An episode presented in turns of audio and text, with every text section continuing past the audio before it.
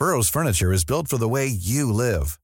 From ensuring easy assembly and disassembly to honoring highly requested new colors for their award-winning seating, they always have their customers in mind. Their modular seating is made out of durable materials to last and grow with you. And with Burrow, you always get fast, free shipping. Get up to 60% off during Burrow's Memorial Day sale at burrow.com slash ACAST. That's burrow.com slash ACAST. burrow.com slash ACAST.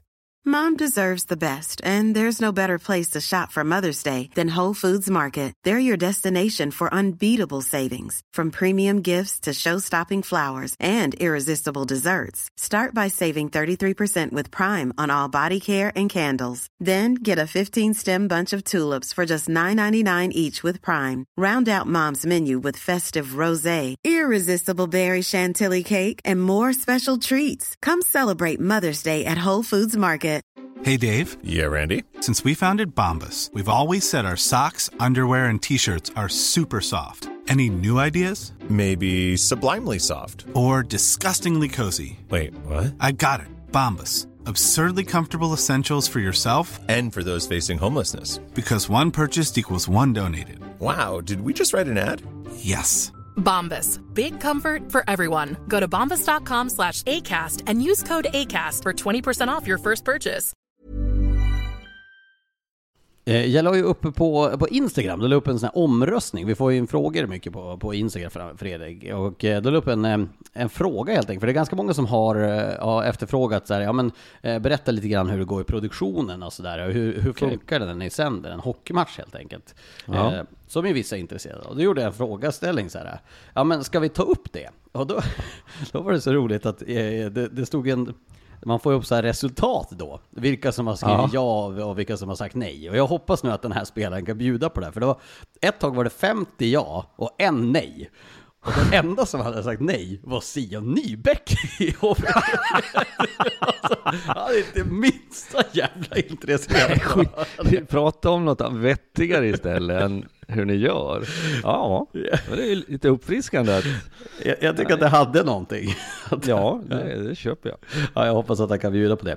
Eh, sen tänkte jag också, innan vi kör igång det här riktiga också, så fick jag in en rolig fråga. Och det tänkte jag också att vi kan, kan ta med i det här lilla introinspelet. För det är ju så att eh, eh, Niklas Ade, han är alltså Niklas Adebjörk heter han, som skickade in en fråga. Kan du fråga Fredrik om han har fått tillbaka tvn som Joakim Hagelin lånade av honom under Oskarshamnstiden? Ja, det där har jag ju nästan glömt, men det har du ju fasiken rätt i. Att jag gav bort en TV och den har jag ju inte fått tillbaks. Är Joakim Hagelin skyldig dig en tv man tror? Det är han, och då när vi ändå pratar om, om vi kan ha det här som någon slags så här äh, pantbanks special. Niklas Olausson, nu i Fisch i Schweiz, som var i Luleå.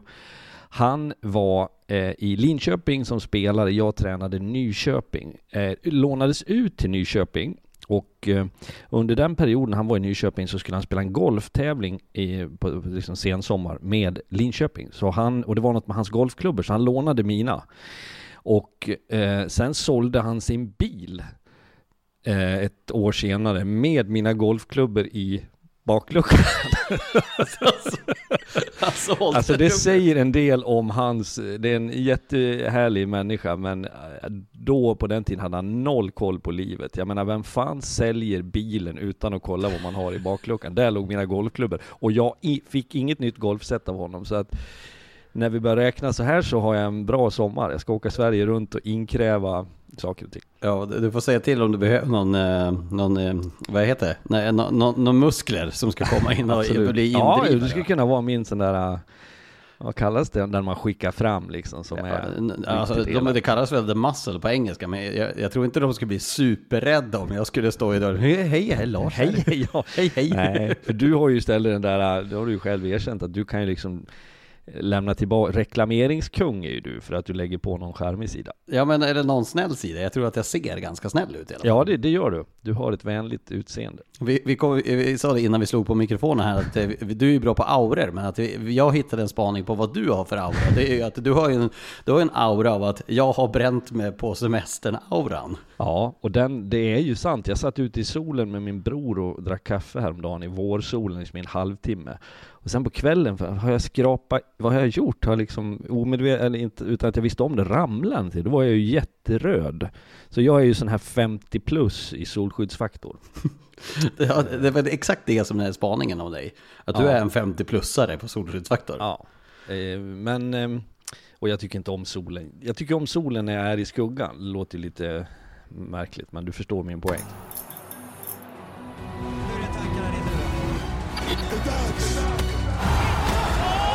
Då säger vi alltså varmt välkomna till Kvartsfinalspecial i eh, Ringside-podden. Det är ju så att det är dags för kvartsfinaler eh, ikväll torsdag när ni hör det här och eh, för de lagen som spelar på fredag så passar det här väldigt bra att lyssna på på fredag morgon också.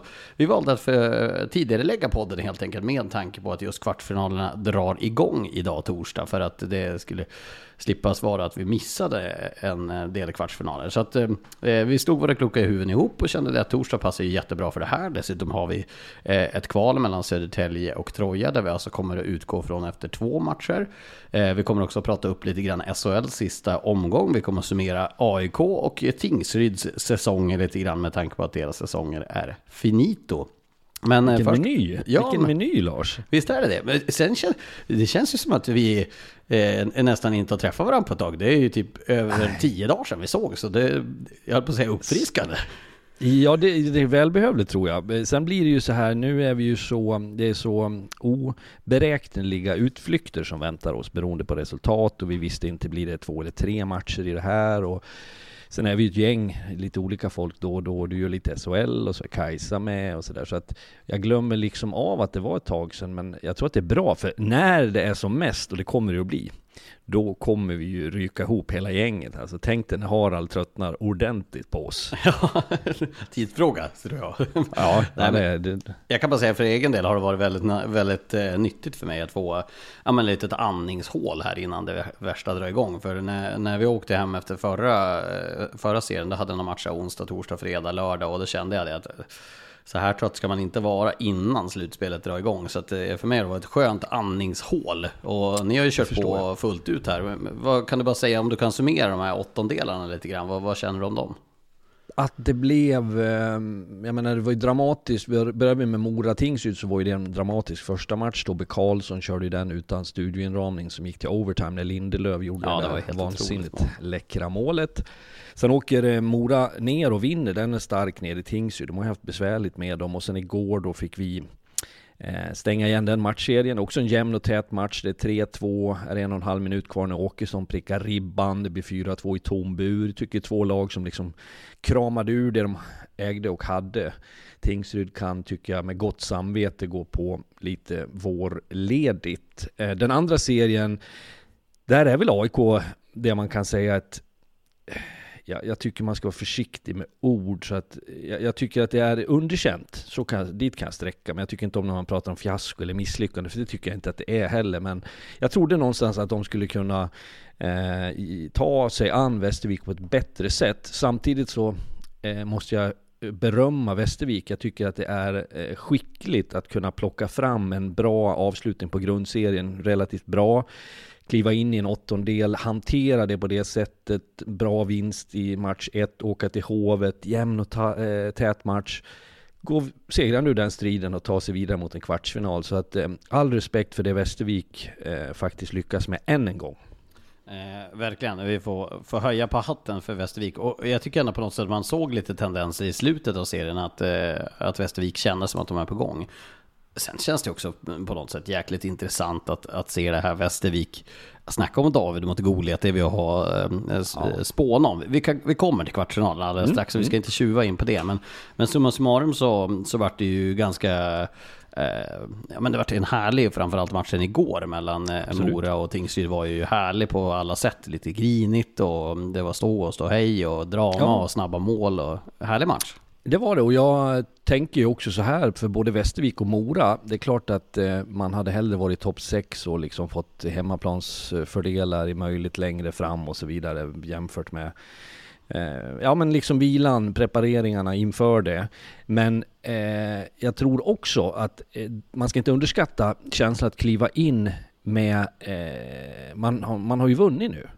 Man har liksom tagit stick ett i en åttondel. Det gör någonting med gruppen och att spela tisdag då som Mora gör, två, tre dagar senare, senare blir det ju fredag. Att man ska in i en kvartsfinalserie så har man ju ändå ett gott eh, mod.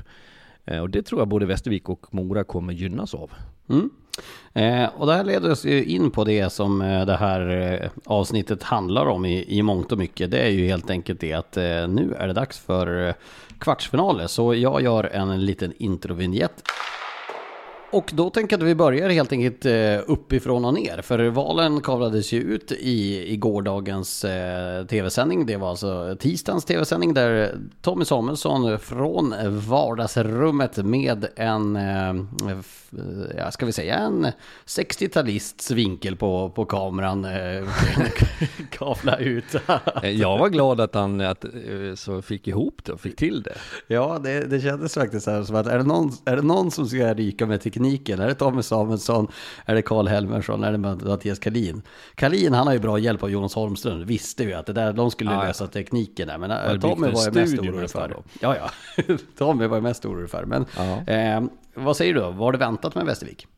Det får vi väl ändå säga. Vi har ju spekulerat länge, eller en tid ska vi säga då, om att HV71 skulle gå på den tesen att man väljer det lägst eh, rankade laget. Och eh, det finns många fördelar sett med HV71-ögon. Eh, jag tänker resemässigt. HV71 är så pass bra så att de ändå ska kunna hantera det. Så att jag tyckte att det var ett ganska logiskt val. När, när vi då spånar mot den här, eh, den här kvartsfinalserien, den första, det, man ser ju tipsen nu, det är väldigt många som tippar det, att ja men 4-0 i matcher, 4-1 i matcher. Men eh, vi ska ju ha med oss det att eh, det är ju faktiskt så att Västervik har plussiffror på HV inför det. De har tagit 7 poäng under grundserien och HV har tagit 5. Så är det, och vi hade ju dessutom en match i, eh, en av de där förlusterna i overtime var ju 3-0 till Västervik efter tror jag två perioder där HV71 kom ut och, och visade kvalitet i tredje och eh, vände på den där matchen. Så att, ja men absolut. Det, det, och det som, det som sker när man går in i ett slutspel är ju som jag har tjatat om så många gånger, men, men den här sporten ändrar ju karaktär. Det som har varit har farit, det som, det som ligger framför är det som gäller. Och jag har också sagt att jag tror att där HV kan få det lite knöligt är ju en kvartsfinalserie just för att det här är en, för, för Tommy och för HV en ny grupp som inte har varit i ett slutspel av det enkla skälet att det börjar först nu. Hur tar man sig an det? Hur, eh, man kan vara hur preparerad som helst spelmässigt, taktiskt, ehm, coacherna vet exakt vad som gäller men det är motståndare på isen som kanske ändrar på sin struktur eller som spelar på, på misstag hos HV71 och jag kommer att tänka på den förlusten man hade hemma med blev det 2-3, du brukar vara bättre ja, exakt, mig. Stämmer. Där man jagade livet ur HV71 i, i egen zon, stressade fram två misstag som man eh, förvaltade och gjorde viktiga mål på. Så att det går uppenbarligen att störa HV och jag tror att HV71s eh, brister, för de har alla lag, även om jag tycker HV i klass för sig, så har de också brister. Och det är ju liksom nycklar som Västervik någonstans har hittat känner jag. Jag, jag eh, tänker så här att eh, det, det, det, är ingenting att tveka om att pressen ligger på HV71 egentligen. Att eh, HV71, alla räknar med att HV71 ska gå upp till SHL den här säsongen. Det, har, det, det kommer ju yttre påtryckningar, hela Jönköping sätter ju en press och en förväntan på det här laget. Eh, inför säsongen så gick ju eh, Anders eh, Villander ut då, som är ju, som är ju bror till tennisspelare Mats Villander. Eh, och sa det att han skulle avgå om det inte skulle vara så att HV71 skulle gå raka spåret upp. Och i veckan kom det ju faktiskt ytterligare en grej som eh, ju lät faktiskt lite alarmerande ifrån Jönköpings håll. Det är ju det att du vet ju alla vi att HV har det ganska gott ställt ekonomiskt, men eh, HV71 har ju alltså eh, lagt in varsel om nedskärningar i, i organisationen. Och det tycker jag säger någonting att eh, det här har svidit ganska mycket mer än vad de trodde helt enkelt i HV71. Och det, det låter lite alarmerande om det skulle vara så att HV inte skulle klara att gå upp direkt. Det som jag konstaterar är ju att det kostar att vara i Hockeyallsvenskan.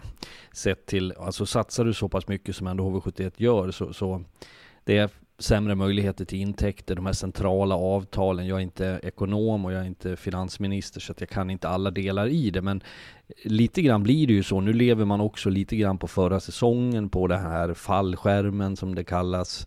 Eh, och skulle man, om vi ponerar att de inte går upp, så är det klart att då skulle det vara avsevärt mycket sämre förutsättningar ekonomiskt kommande säsong. Mm. Så att eh, det känns inte helt orimligt heller att man ger sig in och petar i det där, för det, sen kan det väl vara en översyn generellt där man kommer fram till att vi kanske har för mycket folk. Ja, det, det, det kan ju vara också. Jag läste att det var fackliga förhandlingar om det var från restaurang eller sånt och liknande. Men alltså det, det, man får ju se exakt vart det där tar vägen. Eh, men hur som helst, när vi går till det som gäller på isen då.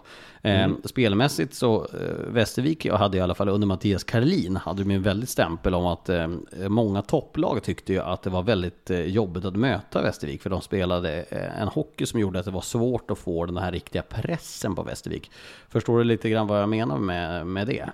Ja, det kan jag köpa. Sen det som jag tycker är en egenskap hos Karlin som han delvis har tagit med sig till Modo, det är hans förmåga att värdera motståndet och kanske justera vissa delar eh, för att försvåra för motståndarna. Det, det är mycket lättare, eller vad ska jag säga, mindre komplicerat att sitta med en playbook från, från dag ett. Det här gör vi dag efter dag efter dag. Det har också sina fördelar.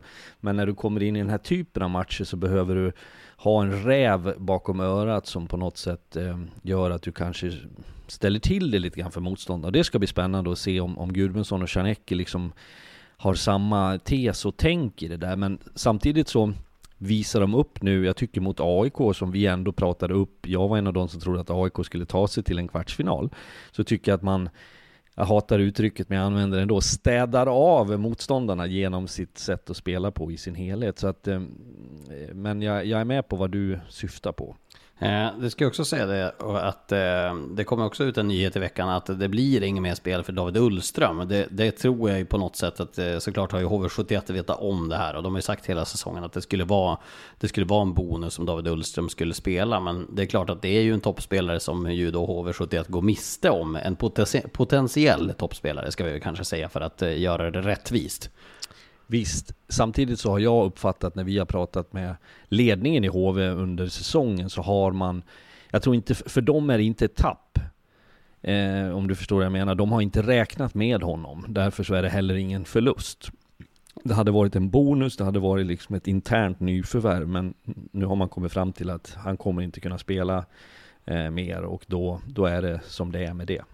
Men när vi ska summera det här kring den här matchserien. Eh, Ja. Men det blir ju på något sätt... Eh, ja, det är ju David mot Goliat helt enkelt. Och, och, och här har ju verkligen Västervik allting att vinna. För ingen räknar med att i princip inte... ja, Varje match de tar är i princip en bonus. Så är det absolut. Det, det som jag såg, en, en, en sak som var väldigt påtaglig för mig, det var slutet av matchen AIK-Västervik. Eh, mål i tom bur, AIK fortsätter trycka på. Eh, Då kliver de här importerna, jag menar Supinski, McKenzie, spelare som ska vara bäst i Västervik, var bäst. Och dessutom adderar man han blockar ett skott, McKenzie, och blir alltså, han, han välter in i båset. Övriga är på isen och firar. De har för övrigt en väldigt charmig doktor i, i Västervik som stod med basker på. Och han låg och vred sig i plågor den här eh, eh, McKenzie. Doktorn tittade på mig och, och log ungefär som hockeyspelare, du vet hur de är. Och jag såg hur förbannat ont han hade för den där pucken tror jag liksom tog innanför benskyddet vid knät på något sätt. Så att jag förstår att det gjorde väldigt ont, men för mig var det ett tecken på när den typen av spelare också kan addera karaktär och attityd. Det är en sak som de skulle kunna liksom plocka med sig in i en kvartsfinalserie mot HV. Du sa väl till och med att han var redo för nödslakt?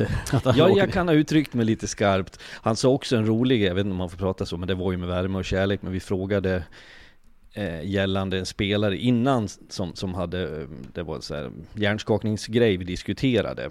Och då skojade jag och sa, men, för jag jobbade med en kollega, Micke Larsson, som en gång i tiden så sa att man kan inte ha ont i en protes. Eh, och då sa den här doktorn att nej, vi röntgade tre eller fyra gånger och vi var lika fascinerade alla läkare. Det var helt tomt där inne om den här spelaren. Och det var med, med, med humor. Så jag tycker det är bra när doktorerna också kan vara lite charmiga.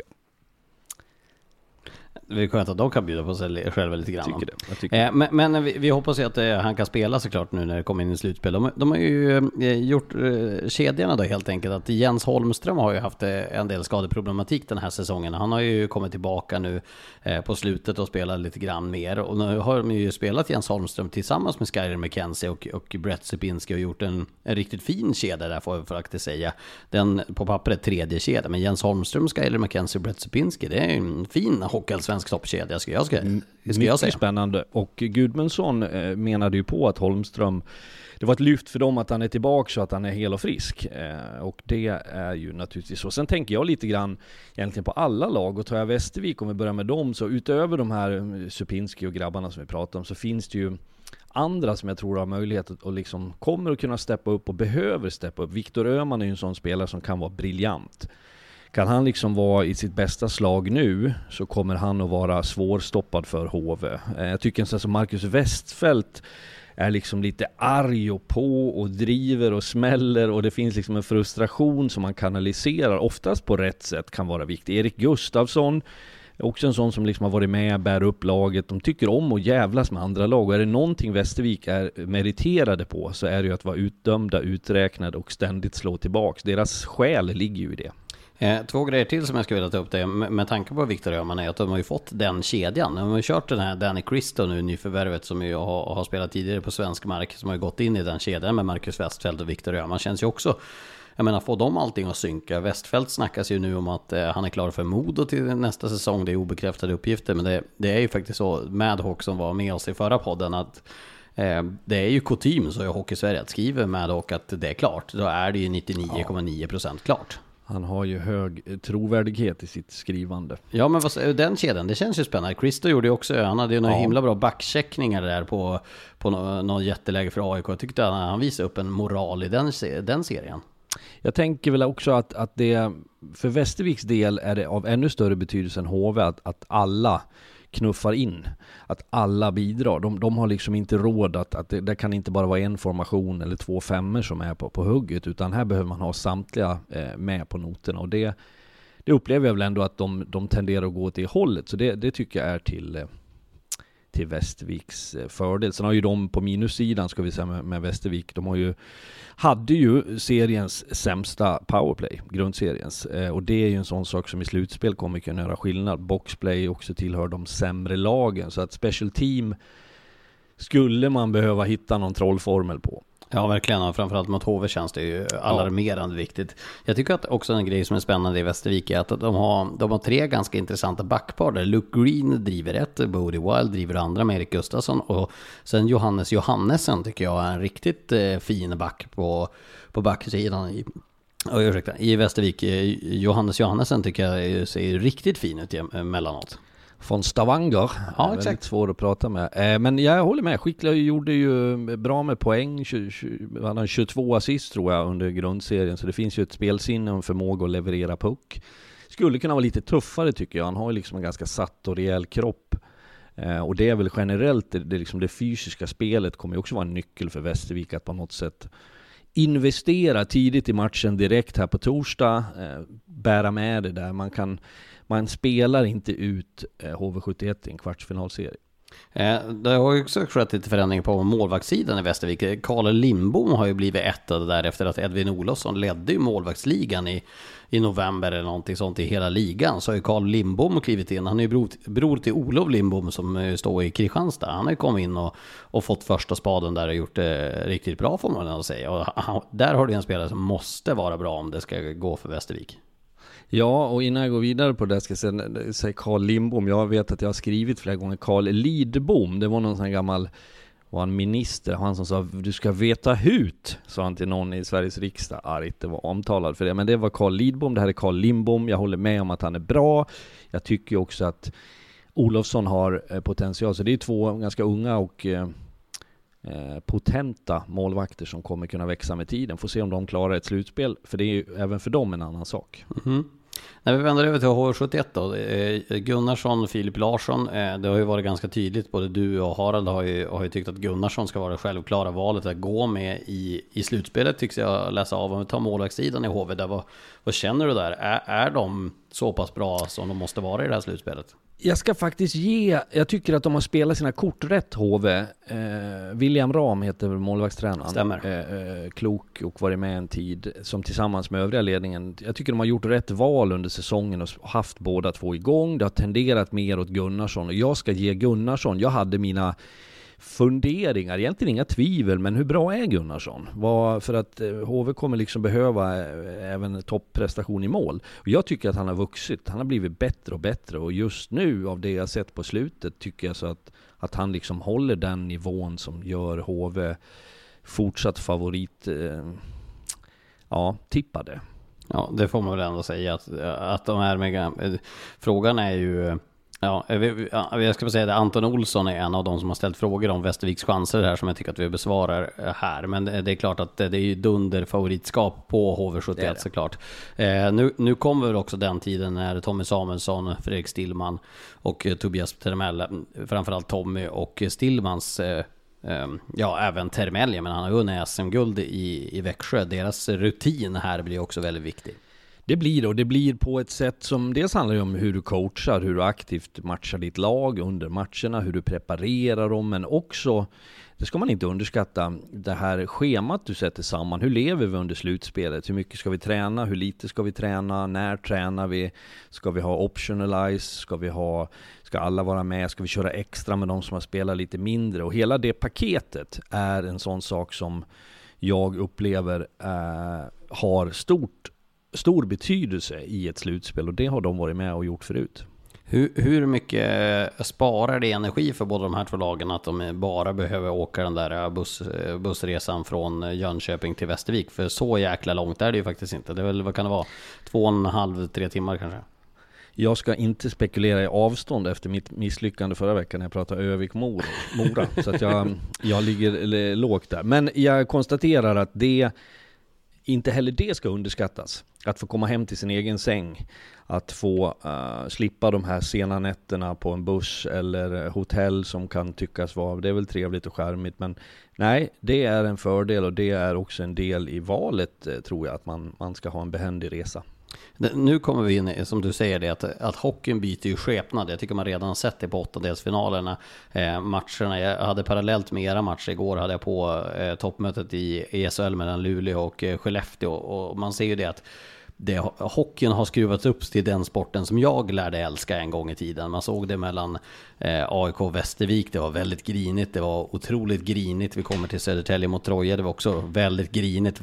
Tjuvknep, jag såg att någon i, i Troja åkte och drog en bromssnösväng på, på en eh, Södertälje-spelare på, på mittlinjen. Och det, det är mycket tjuv och rackarspel. Och då kommer ju frågan in då, nu är en spelare som Tyler Keller, en spelare som Miles Powell som ska diva det här HV. 71.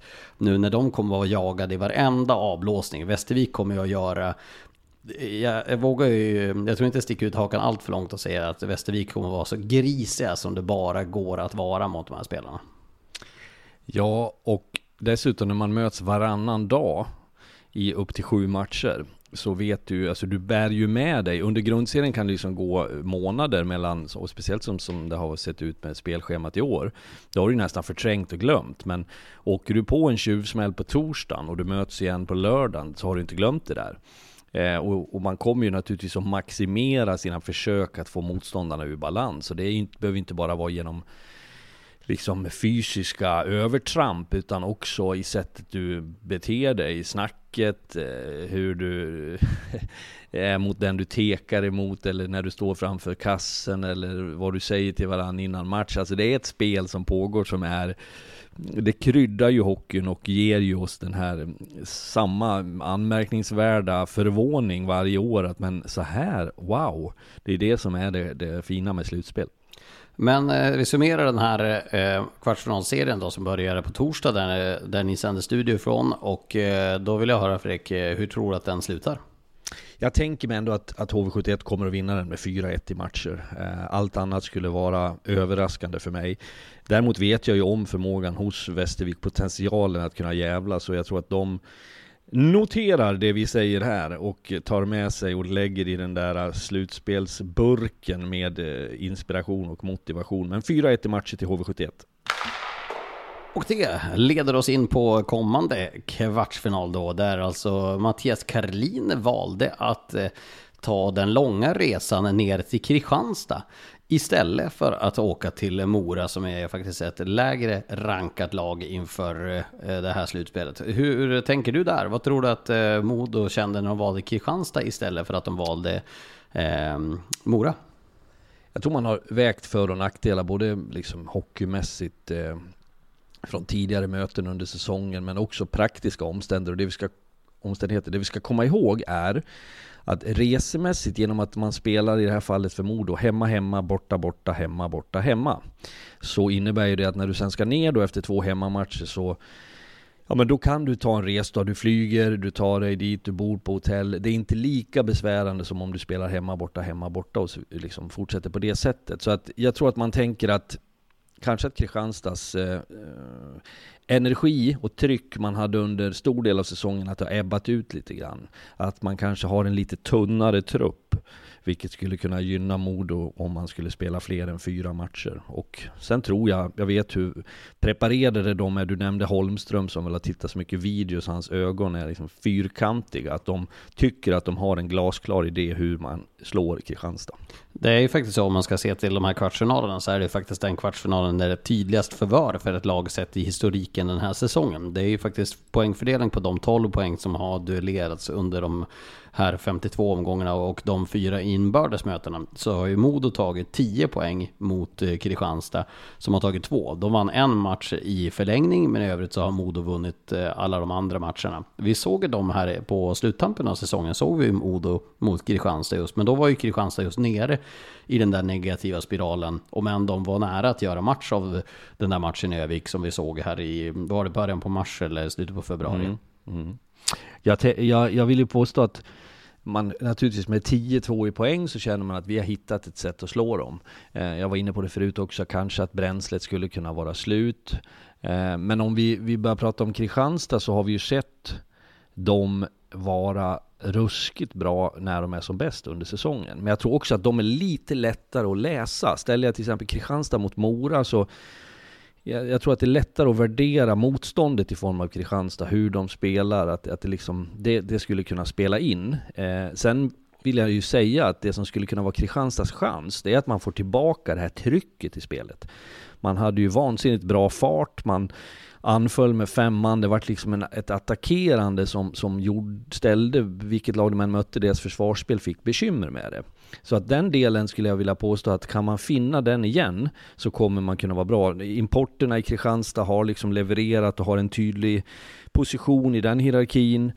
Sen finns det andra spelare, typ som backsidan Flod och Boraman och, och sådana här som har, tycker jag ändå tagit ett stort ansvar i spelet. Vi har pratat om karaktärerna som Sjögren och Herman Hansson som liksom de har ju också egentligen allt att vinna. Det fanns ju, ja, när jag sa det sist så visade det sig att det var ju en som hade tippat dem där då, men, men inte jag. Men jag tror inte det var så många i alla fall som hade räknat med att de skulle vara topp 6. Verkligen inte.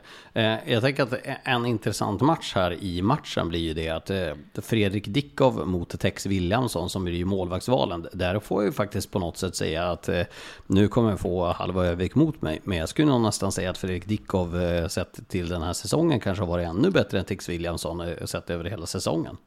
Det har han ju varit. Det, det räcker ju att vi tittar på statistiken som faktiskt eh, talar till Dickovs fördel.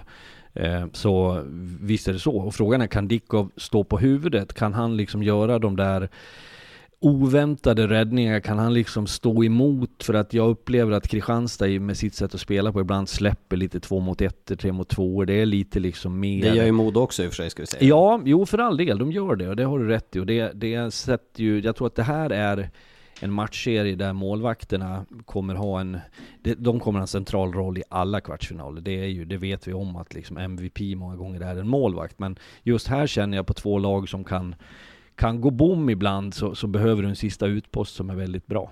Jag tror att det kommer att bli en frejdig och het och het levrad match. Jag väntar bara på att Mikael Gata skriker sig hes på att Oskar Pettersson har hånflina mot båset och att eh, ja. Riley Woods har gått in och börjat bråka med, med Christoph Kontos och, och gänget. Att det, jag tror att det kommer att bli ruskigt grinig match i det här, vilket känns ju eh, spännande och kittlande.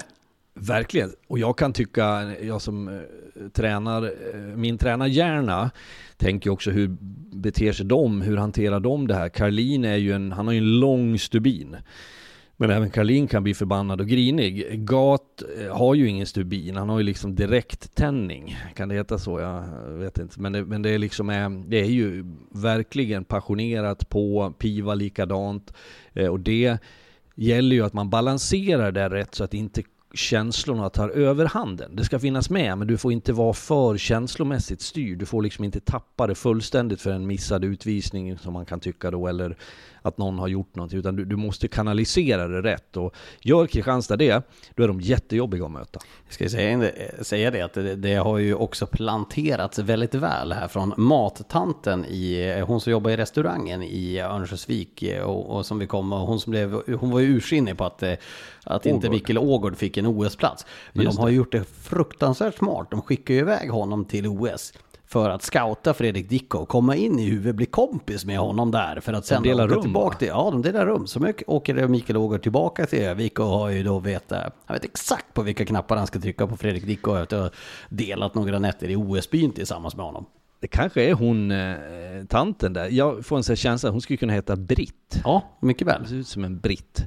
Eh, alltså inte en brittisk medborgare utan att heta britt. Men hon, jag kanske är så. Vilken plan. Slukt. Ja, eh, det tycker jag i alla fall. Eh, sen kommer vi till backsidan där så tycker jag också den är ganska intressant att se backduellen där. Vi har ju Bernhardt, Näsén, Hasa och eh, Ingman och så vidare i i Modo. Nu måste vi nämna Emil Wahlberg och Folin också för att få med dem. Men, men sen se den backsidan mot Erik Flod, Gustav Boreman, Viktor Gran, Roppe Lavainen och, och Rickard Olsén. Det, det är två ganska starka backsidor tycker jag.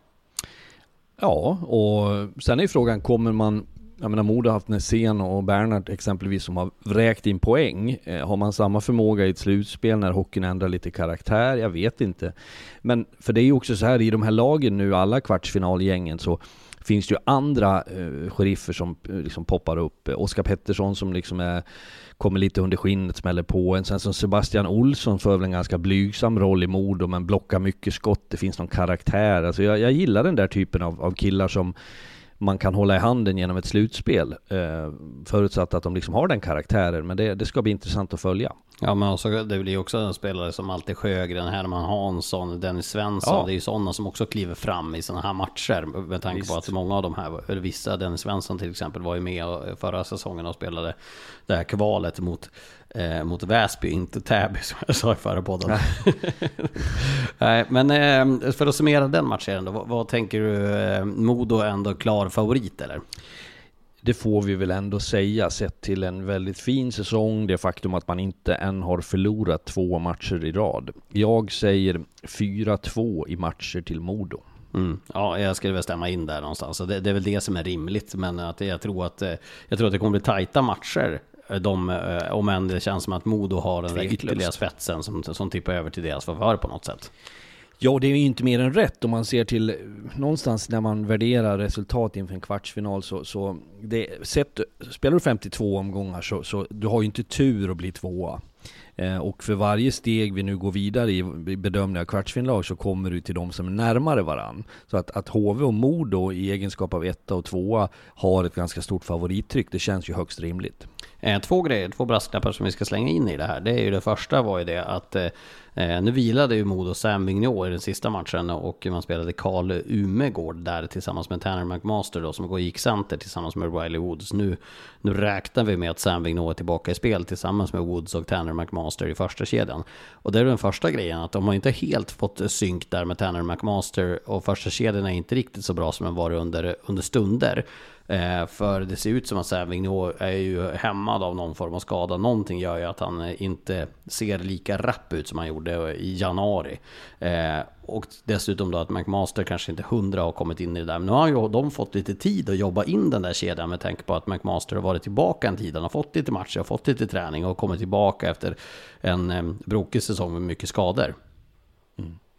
Jag hyllar ju Sam Vignot med nöje. Jag tycker att det är en av ligans bästa spelare. Han är stor, han är liksom majestätisk, han har bra förmåga att fördela puck. Jag tycker han har en bra hockeyhjärna i sitt liksom tänk över hela banan. Så att, eh, sen, sen du, du säger det finns en frågetecken skador. Det är en annan grej som rent generellt också. Den här tiden på året så har jag skulle säga de flesta hockeyspelare någon form av besvärlighet. Du vaknar inte liksom och, och, känner att kroppen är i toppform. Du har pressat den ganska hårt. Det har varit mycket tuffa fighter, det har varit träningar. Eh, och det är också någonting som jag genom åren har värderat högt. Spelare som väljer att hantera det. det. I vissa fall går det ju inte och jag menar inte att man kan bita ihop genom hela livet men, men det finns ändå någonting i att, ja okej, okay, om jag är lite besvärad med det här så får jag kanske agera lite sådär.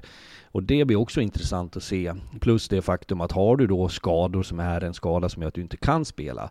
Hur bred är, eller hur lång är bänken? Hur, vilket utbud har du som tränare att plocka in någon annan? Och det kommer vi också följa nära. Det, det här säger bara lite, lite lajvigt nu om slutspelet. Nu fick jag förfrågan om en, om en ändring här eh, schemamässigt av vad som händer för, framöver. Det här är, vi, vi, har ingen aning vart man vaknar och vart man ska dagen Nej. efter i princip. Men, men det är lite spännande. Eh, nästa grej som vi också måste ta med i det här, det är ju faktiskt så att eh, man har ju Erik Ginesjö Karlsson och Mikael Ågård i andra kedjan. Men Filip Svenningsson är fortfarande avstängd några matcher och kommer ju missa de första kvartsfinalerna här. Det är också en faktor i den här serien som vi faktiskt inte... Den kan ha vikt, det får vi faktiskt ja, den, säga. Den svider, den svider eh, inte minst för honom själv men eh, för Modo absolut. Och jag tror att Eh, å andra sidan, när han är tillbaks eh, så kommer han vara ruskigt sugen att bevisa att jag är inte någon idiot som åker runt och jagar folk. Jag kan spela hockey och det är det jag ska fokusera på. Så att eh, vi får se om det kan vara en injektion när han är tillbaks. Missar han tre? Ja, exakt. Tre. Visst är det så. För att jag tror också att Filip Svenningsson är inte en spelare som jag ser, ser som en ful hockeyspelare. Vi, vi, alla är ju helt överens om att den där tacklingen mot Emil André, den var ful. Men sen så behöver inte det stämpla en hockeyspelare för resten av hans karriär kan jag tycka. Nej, och den, vi hade ju också uppe till diskussion huruvida det var värt 6 plus 2 matcher. Det vill säga den fulaste smällen i svensk hockey på flera år. Det, det tycker jag kanske inte. Den, den ska ha en avstängning, men det var ett hårt straff han fick. Verkligen. Nikolaj Jelisejevs, eh, som ju Modo värvade in på deadline day, tycker jag också man ska lyfta. Har ju inte riktigt eh, kommit in i grejerna än, skulle jag säga. Eller vad, vad är din känsla? Nej, och jag tänkte ställa en motfråga. Vilka har kommit in i grejerna, i framförallt de här utländska spelarna? Ja, det är väl HV som har fått Tyler Keller, har ju ja, faktiskt gjort, gjort, det helt bra. Men eh, Hunter Han kommer från Rögle också. Ja, exakt. De som kommer utifrån menar du? Ja. Nej, jag, jag, tycker inte att det har varit tillräckligt bra för, sett till förväntningarna. Men det, det där var jag lite så här gubbskeptisk till redan när när man signar ja, men det, och Där får man ju faktiskt säga att du har haft rätt. Att eh, Västerås eh, värvningar har väl inte heller fallit väl ut på något sätt. Det, de har ju inte spelat på den nivån som man hade kanske förväntat sig. Sen kan man säkert, pratar man med tränarna som vi gör sådär lite titt som tätt så kan ju de lyfta, det kan ju, det, allt är ju inte ögonfallande, man kan göra nytta ändå, framförallt så har du fått bredden, så att det finns säkert fördelar, men eh, på det stora hela, det har ju inte varit några spektakulära landningar, så kan vi säga. Och med det så summerar vi eh, matchserien mellan Modo och Kristianstad. Och både jag och du tippar att Modo vinner den. Du säger 4-2 i matcher och jag säger väl att någonstans i, i de regionerna låter som ett eh, rimligt tips helt enkelt. Burrows furniture is built for the way you live. From ensuring easy assembly and disassembly to honoring highly requested new colors for their award-winning seating, they always have their customers in mind. Their modular seating is made out of durable materials to last and grow with you. And with Burrow, you always get fast, free shipping. Get up to 60% off during Burrow's Memorial Day sale at burrow.com slash ACAST. That's burrow.com slash ACAST. burrow.com slash ACAST. Hey, Dave. Yeah, Randy. Since we founded Bombus, we've always said our socks, underwear, and T-shirts are super soft. Any new ideas? Maybe sublimely soft. Or disgustingly cozy. Wait, what? I got it. Bombus Absurdly comfortable essentials for yourself and for those facing homelessness. Because one purchased equals one donated. Wow, did we just write an ad? Yes. Bombas. Big comfort for everyone. Go to bombas.com slash ACAST and use code ACAST for 20% off your first purchase. Mom deserves the best, and there's no better place to shop for Mother's Day than Whole Foods Market. They're your destination for unbeatable savings, from premium gifts to show-stopping flowers and irresistible desserts. Start by saving 33% with Prime on all body care and candles. Then get a 15-stem bunch of tulips for just $9.99 each with Prime. Round out Mom's menu with festive rosé, irresistible berry chantilly cake, and more special treats. Come celebrate Mother's Day at Whole Foods Market.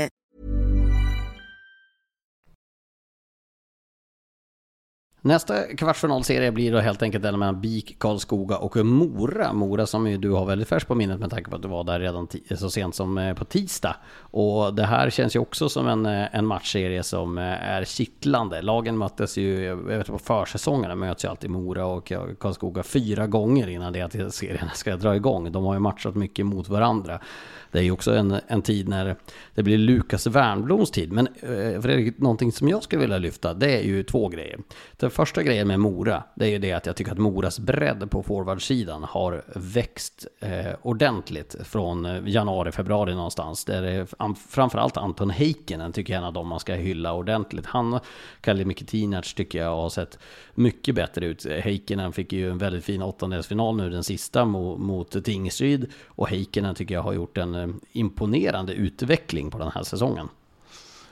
Mora har ju haft en, en eh, tendens att fylla på. Jag vet inte riktigt historiskt om jag ha belägg för det, men om vi tittar på den här säsongen så hade man en ganska tunn trupp som bidrog till att man var mm, sämre tycker jag inledningsvis. Sen har man gjort lite justeringar, man har plockat in folk, man har blivit bredare.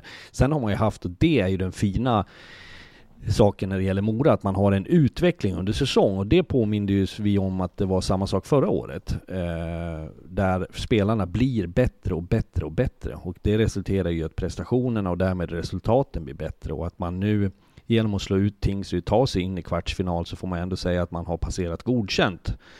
Eh, sen återstår det att se om Mora liksom har kapaciteten mot ett Karlskoga som jag vid flera tillfällen har varit eh, svårt förtjust i, i deras sätt att uppträda som lag. Eh, men den här matchserien är den är spännande för att jag tänker att det, för mig är det två, Karlskoga är ett mer solitt defensivt samlat lag. Mora är lite spretigare, har eh, enskilda individer som jag tycker bryter mönster och när det där brakar samman så kan det bli eh, högintressant hockey. Vad eh, tänker man nu då? Om vi, vi, kommer in på lagdelar och så vidare.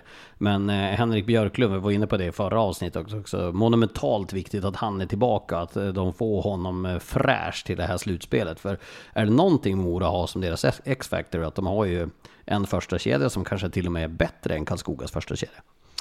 Ja, och i ett slutspelsserie så, så, är du så beroende av enskilda individer som liksom poppar upp och ställer du då eh, liksom poängmässigt de här gubbarna mot varandra så du får gå ner en bit. Alltså Johan Persson och Ljunggren, det är ju på något sätt par i brott. De hittar varandra och tillsammans med Måns Karlsson där till och från har varit ruskigt bra. Han tycker jag är fin alltså. Måns Karlsson ja. har ju eh, otrolig utveckling sedan han kom från ettan. Han hade spetskvalitet powerplay redan i början när han kom och fick mycket chans. Men han tycker jag verkligen också har växt.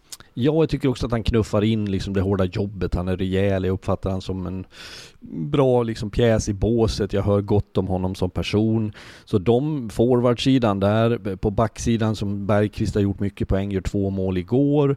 Där har ju liksom, det är det jag menar lite grann med att man har på olika positioner Mora fler som är lite mönsterbrytande. Tittar jag på Karlskoga, men Henrik Björklund är ju MVP i sitt Karlskoga utan tvekan. Tillsammans med, och det ska jag passa på att säga innan jag glömmer det, målvaktsspelet har ju varit fantastiskt bra i Karlskoga.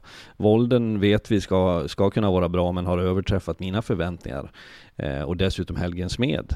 Som, eh, så där har man ju två potentiella liksom, matchvinnare där. Rekkonen är en sån spelare som jag tycker är ett geni när det gäller att fördela puckar. Linkvist har varit bra. Sen är det ju andra, det som tar du liksom en om... Ja, Lyckåsen känns som en sån här spelare i Karlskoga som man älskar och vill vrida nacken av som tränare. Att det liksom bryter mönster och gör det, men så ska du inte göra där. Och det finns någon slags... Han skiner som en sol, han älskar att provocera och spela bra hockey, men, men gör ju inte alltid som han har sagt. Men de behövs ju också i ett slutspel. Karlskogas tid är nu när det är slutspel. Så är det ju. Mark Olivier Roy har ju också Ja. kommit in väldigt fint där tillsammans med Kalle Jelvert som har dragit ett hästlast under säsongen. Men Mark Olivier Roy tycker jag har varit en fin addering till Karlskoga den här säsongen. Han känns spelsmart. Jag tycker att han ligger rätt i banan. Han, han, han har liksom gör rätt värderingar i saker och ting. Och det där, det kan vara en, en fin, fin eh, slutspels eh, för eh, bikarna. BIK Karlskoga har ju däremot ett huvudbry. Det är ju det att eh, de har, nu Johan Larsson har ju fått lite bättre med, med sin skadesituation under säsongen här. Han har ju varit träffad av specialist och fått det där lite bättre. Spelar ju faktiskt nu på slutet där i grundserien. Men Henrik Larsson har ju fortfarande en skada. Inte den knäskadan som han hade i början på säsongen, men han har ju en ny skada nu som helt enkelt oroar inför slutspelet. Och det är klart att det är ju inte bra att ha den ledande backen för hela laget inför säsongen som har varit skadad i princip hela säsongen och fått säsongen förstörd. Och jag höll på att säga, det bör ju nästan vara en bonus om eh, Karlskoga kommer kunna nyttja honom fullt ut under det här slutspelet. Ja, och alla lag behöver alla. Vissa lag blir mer sårbara om folk är borta och Larsson är ju en sån som kan naturligtvis göra skillnad och skulle vara viktig men det är svårt för oss utifrån att värdera och bedöma liksom skadesituation men vi konstaterar att han skulle behövas. Eh, en annan grej som jag tänker på med de här två lagen, ett frågetecken är ju faktiskt eh, eh, special team på Karlskoga. Boxplay så är man liksom ett mittengäng, powerplay lägre ner. Eh, Medan det är ett utropstecken sett till Moras grundserie. Nu vet jag att det är annorlunda i ett slutspel, men just på de punkterna så har jag svårt att se att man så radikalt skulle kunna få eh, liksom förändra ett slutspels eh, special team. Även om jag själv har varit med om det där vi var klappkassa i ett av åren i Norge i grundserien för att sen i slutspelet vara rent ut sagt briljanta. Så att visst kan det ske, men på förhand är det ett frågetecken.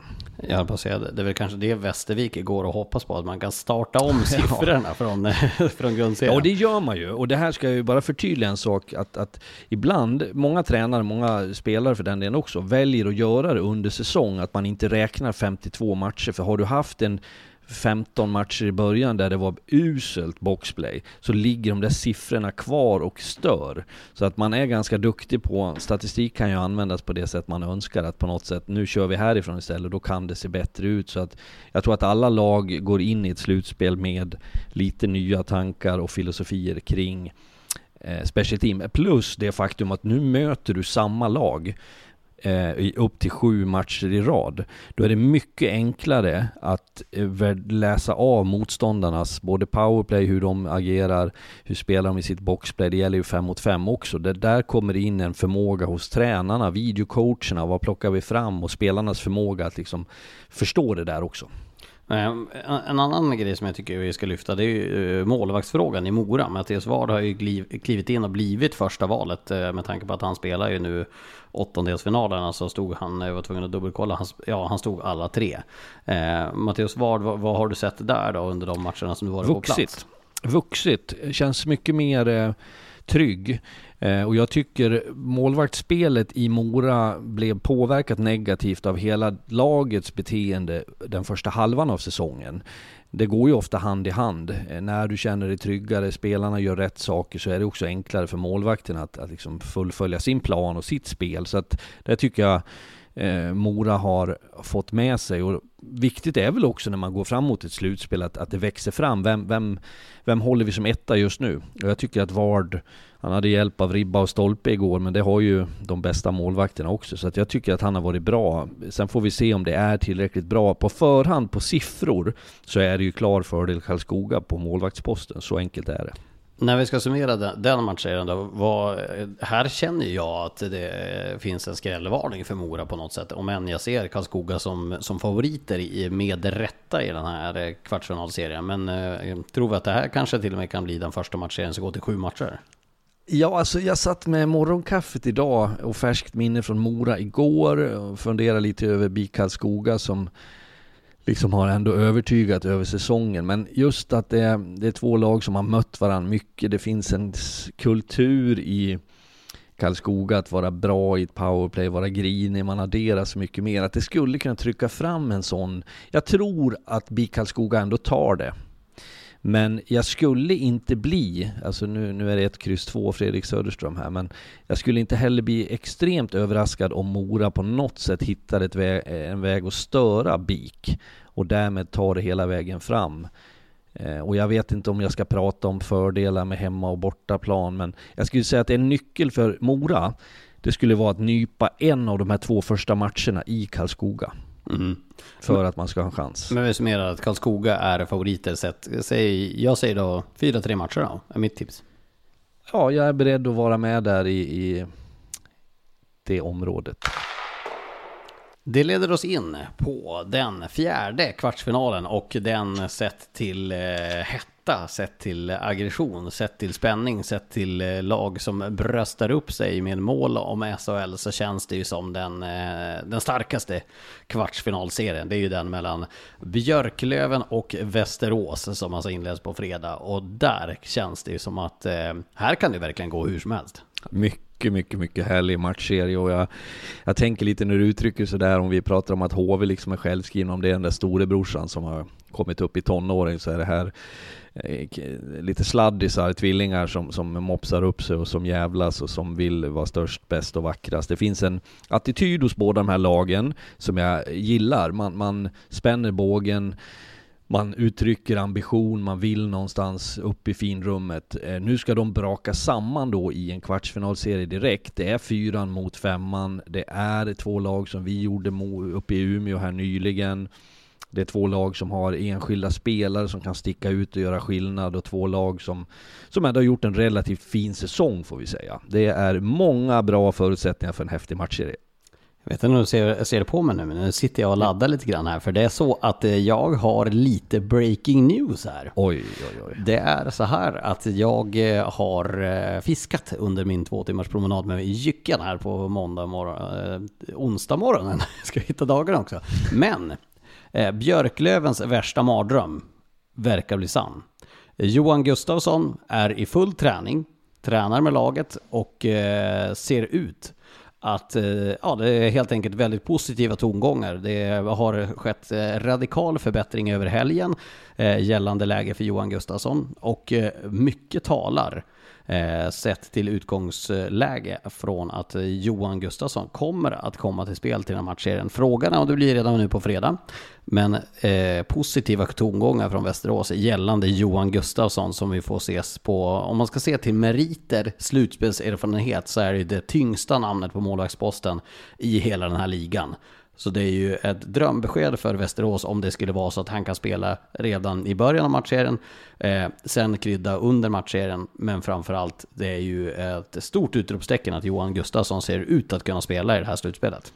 Det var kul att höra och det säger jag i egenskap av simor expert och därmed neutral. Det är en spelare som Hockeyallsvenskan eh, vill eh, visa upp, om vi uttrycker oss på det sättet. Han är som du är inne på, välmeriterad, han har en hög kapacitet och han för mig den enskilt viktigaste spelaren om Västerås liksom skulle kunna trassla sig igenom ett slutspel och, och, gå mot drömmen att faktiskt ta steget upp som man i vissa eh, vissa delar kanske av och runt Västerås drömmer om redan nu. Andra pratar om lite förstånd över tid, men att ha en så pass skicklig målvakt eh, är en direkt avgörande för Västerås möjligheter att, att nå långt. Vi ska väl nästan säga, nu har Linus Ryttare faktiskt gjort det ganska bra på slutet. Absolut. Men Linus Ryttare har ju trots allt inte Johan Gustafsson. Så jag menar, jag har sett honom i slutspelssammanhang där han har varit så bra så att det, det är nästan eh, eh som de säger, VM 94-krönan, det är nästan onödigt att se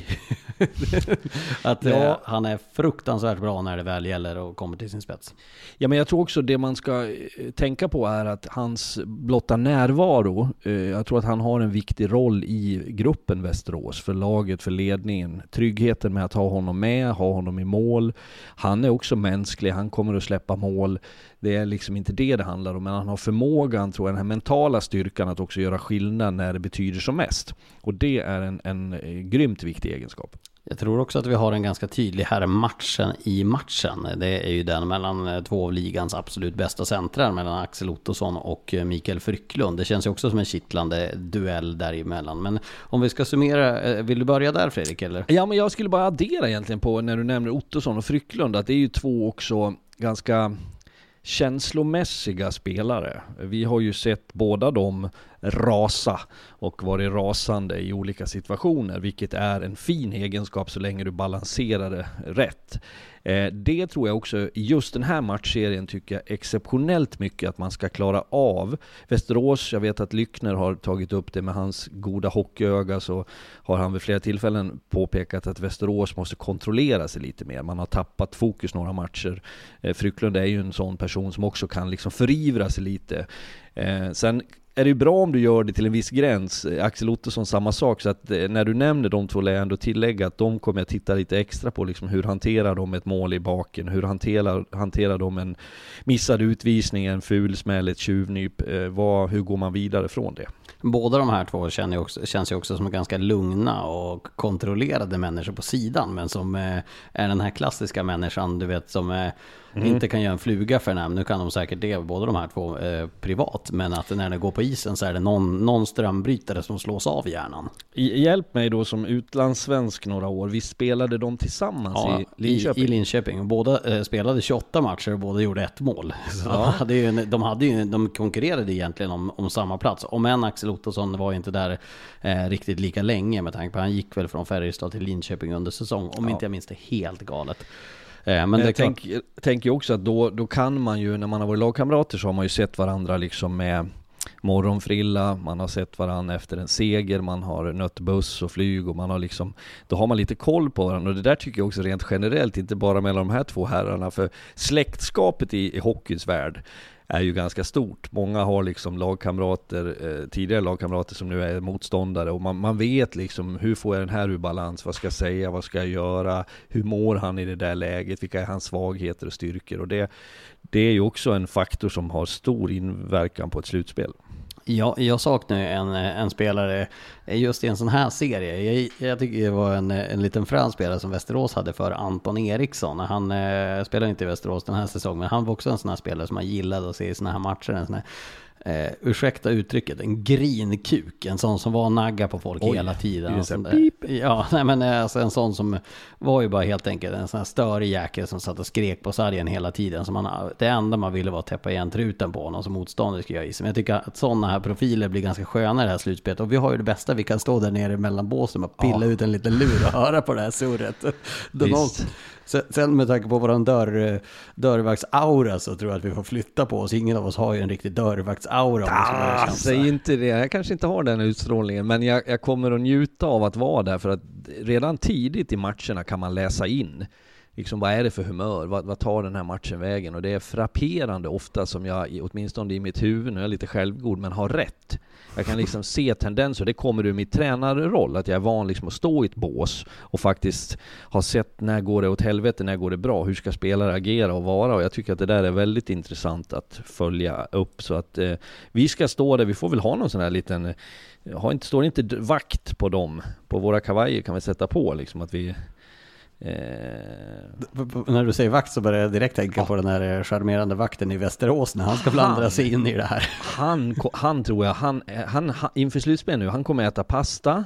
Jag tror att han lägger sig tidigt. Han är inte ute på några dåligheter. Han är fullt fokuserad på att dominera utrymmet mellan båsen i Västerås. Bara för att förtydliga det här för lyssnarna kanske vi ska säga det att det är ju så att det, är ju en vakt som brukar stå mellan båsen i Västerås som ju har hamnat i bråk med otaliga tränare genom åren. En sitter här. Ja, dig. Eh, jag vet att en viss Leksands tränare nu i form av Björn Hellkvist har rykt ihop med honom. Vi såg hur han skulle släpa ut eh, Peter Piva Johansson ut ur hallen. Eh, bara Anton Blomqvist Anton Blomqvist fick väl någon böter för han var i bråk med den här, här vakten. Så att, han kommer säkerligen få en nyckelroll i den här serien mest troligt. en, del att, har, en del har sådana på isen liksom och andra har dem mellan båsen. Tro, nu ska vi inte, men eh, jag, eh, ah, vi, jag, jag, tänkte spekulera lite grann. Jag tror inte att Västerås kommer att flytta på honom med tanke på att man kan ju få laget att bli irriterad på honom istället. Jag tror inte det går. Jag misstänker att han äger arenan där på något sätt. Får jag berätta bara en rolig sidohistoria? Det här, det här är ju på eh, kuriosa-kontot eh, helt enkelt. Vi, vi, stod och gjorde en match i, i Västerås mellan, eh, mellan båsen. Det här är i fjol tror jag. Eh, Mike Helber stod bredvid mig i alla fall och vi, vi ska göra våran slutstudio. Eh, mitt i allting så, så står det en äldre herre där mellan, mellan båsen i Västerås. Jag har ingen aning vilka, vilka lag som möttes. Men till att säga till den här historien så var det tomt på läktarna. Men då fanns det en äldre herre där som hade en uppgift att eh, han skulle köra ut, du vet det finns ju så här typ en, en markis eller någonting mm, som körs mm. ut för att skydda spelarna om det ska vara någon på publiken som ska kasta in någonting. Och den här äldre herren, han, han såg det som sitt livs uppgift att köra ut den här eh, markisen helt enkelt. Det var bara ett litet problem, att vi hade kopplat in eh, våran sändningsbox och vi ska se det utan att bli alltför raljerande och eh, tappa Sion Nybeck som lyssnar.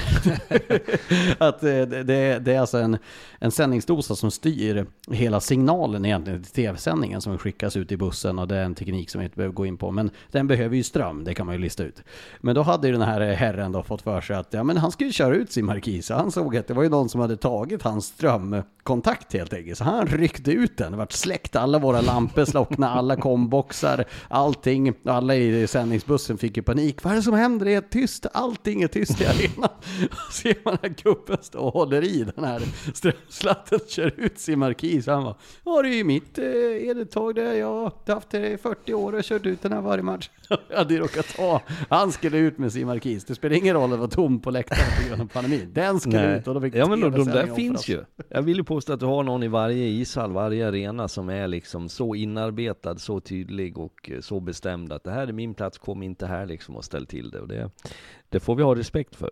Eh, när vi går in till eh, målvaktssidan, eh, ska vi säga det att eh, om Johan Gustafsson kommer in så är det fördel eh, Västerås på målvaktssidan. Om inte så får ju faktiskt eh, Björklöven bära det favoritskapet på målvaktssidan. Vi ska gå igenom lagdelarna lite grann.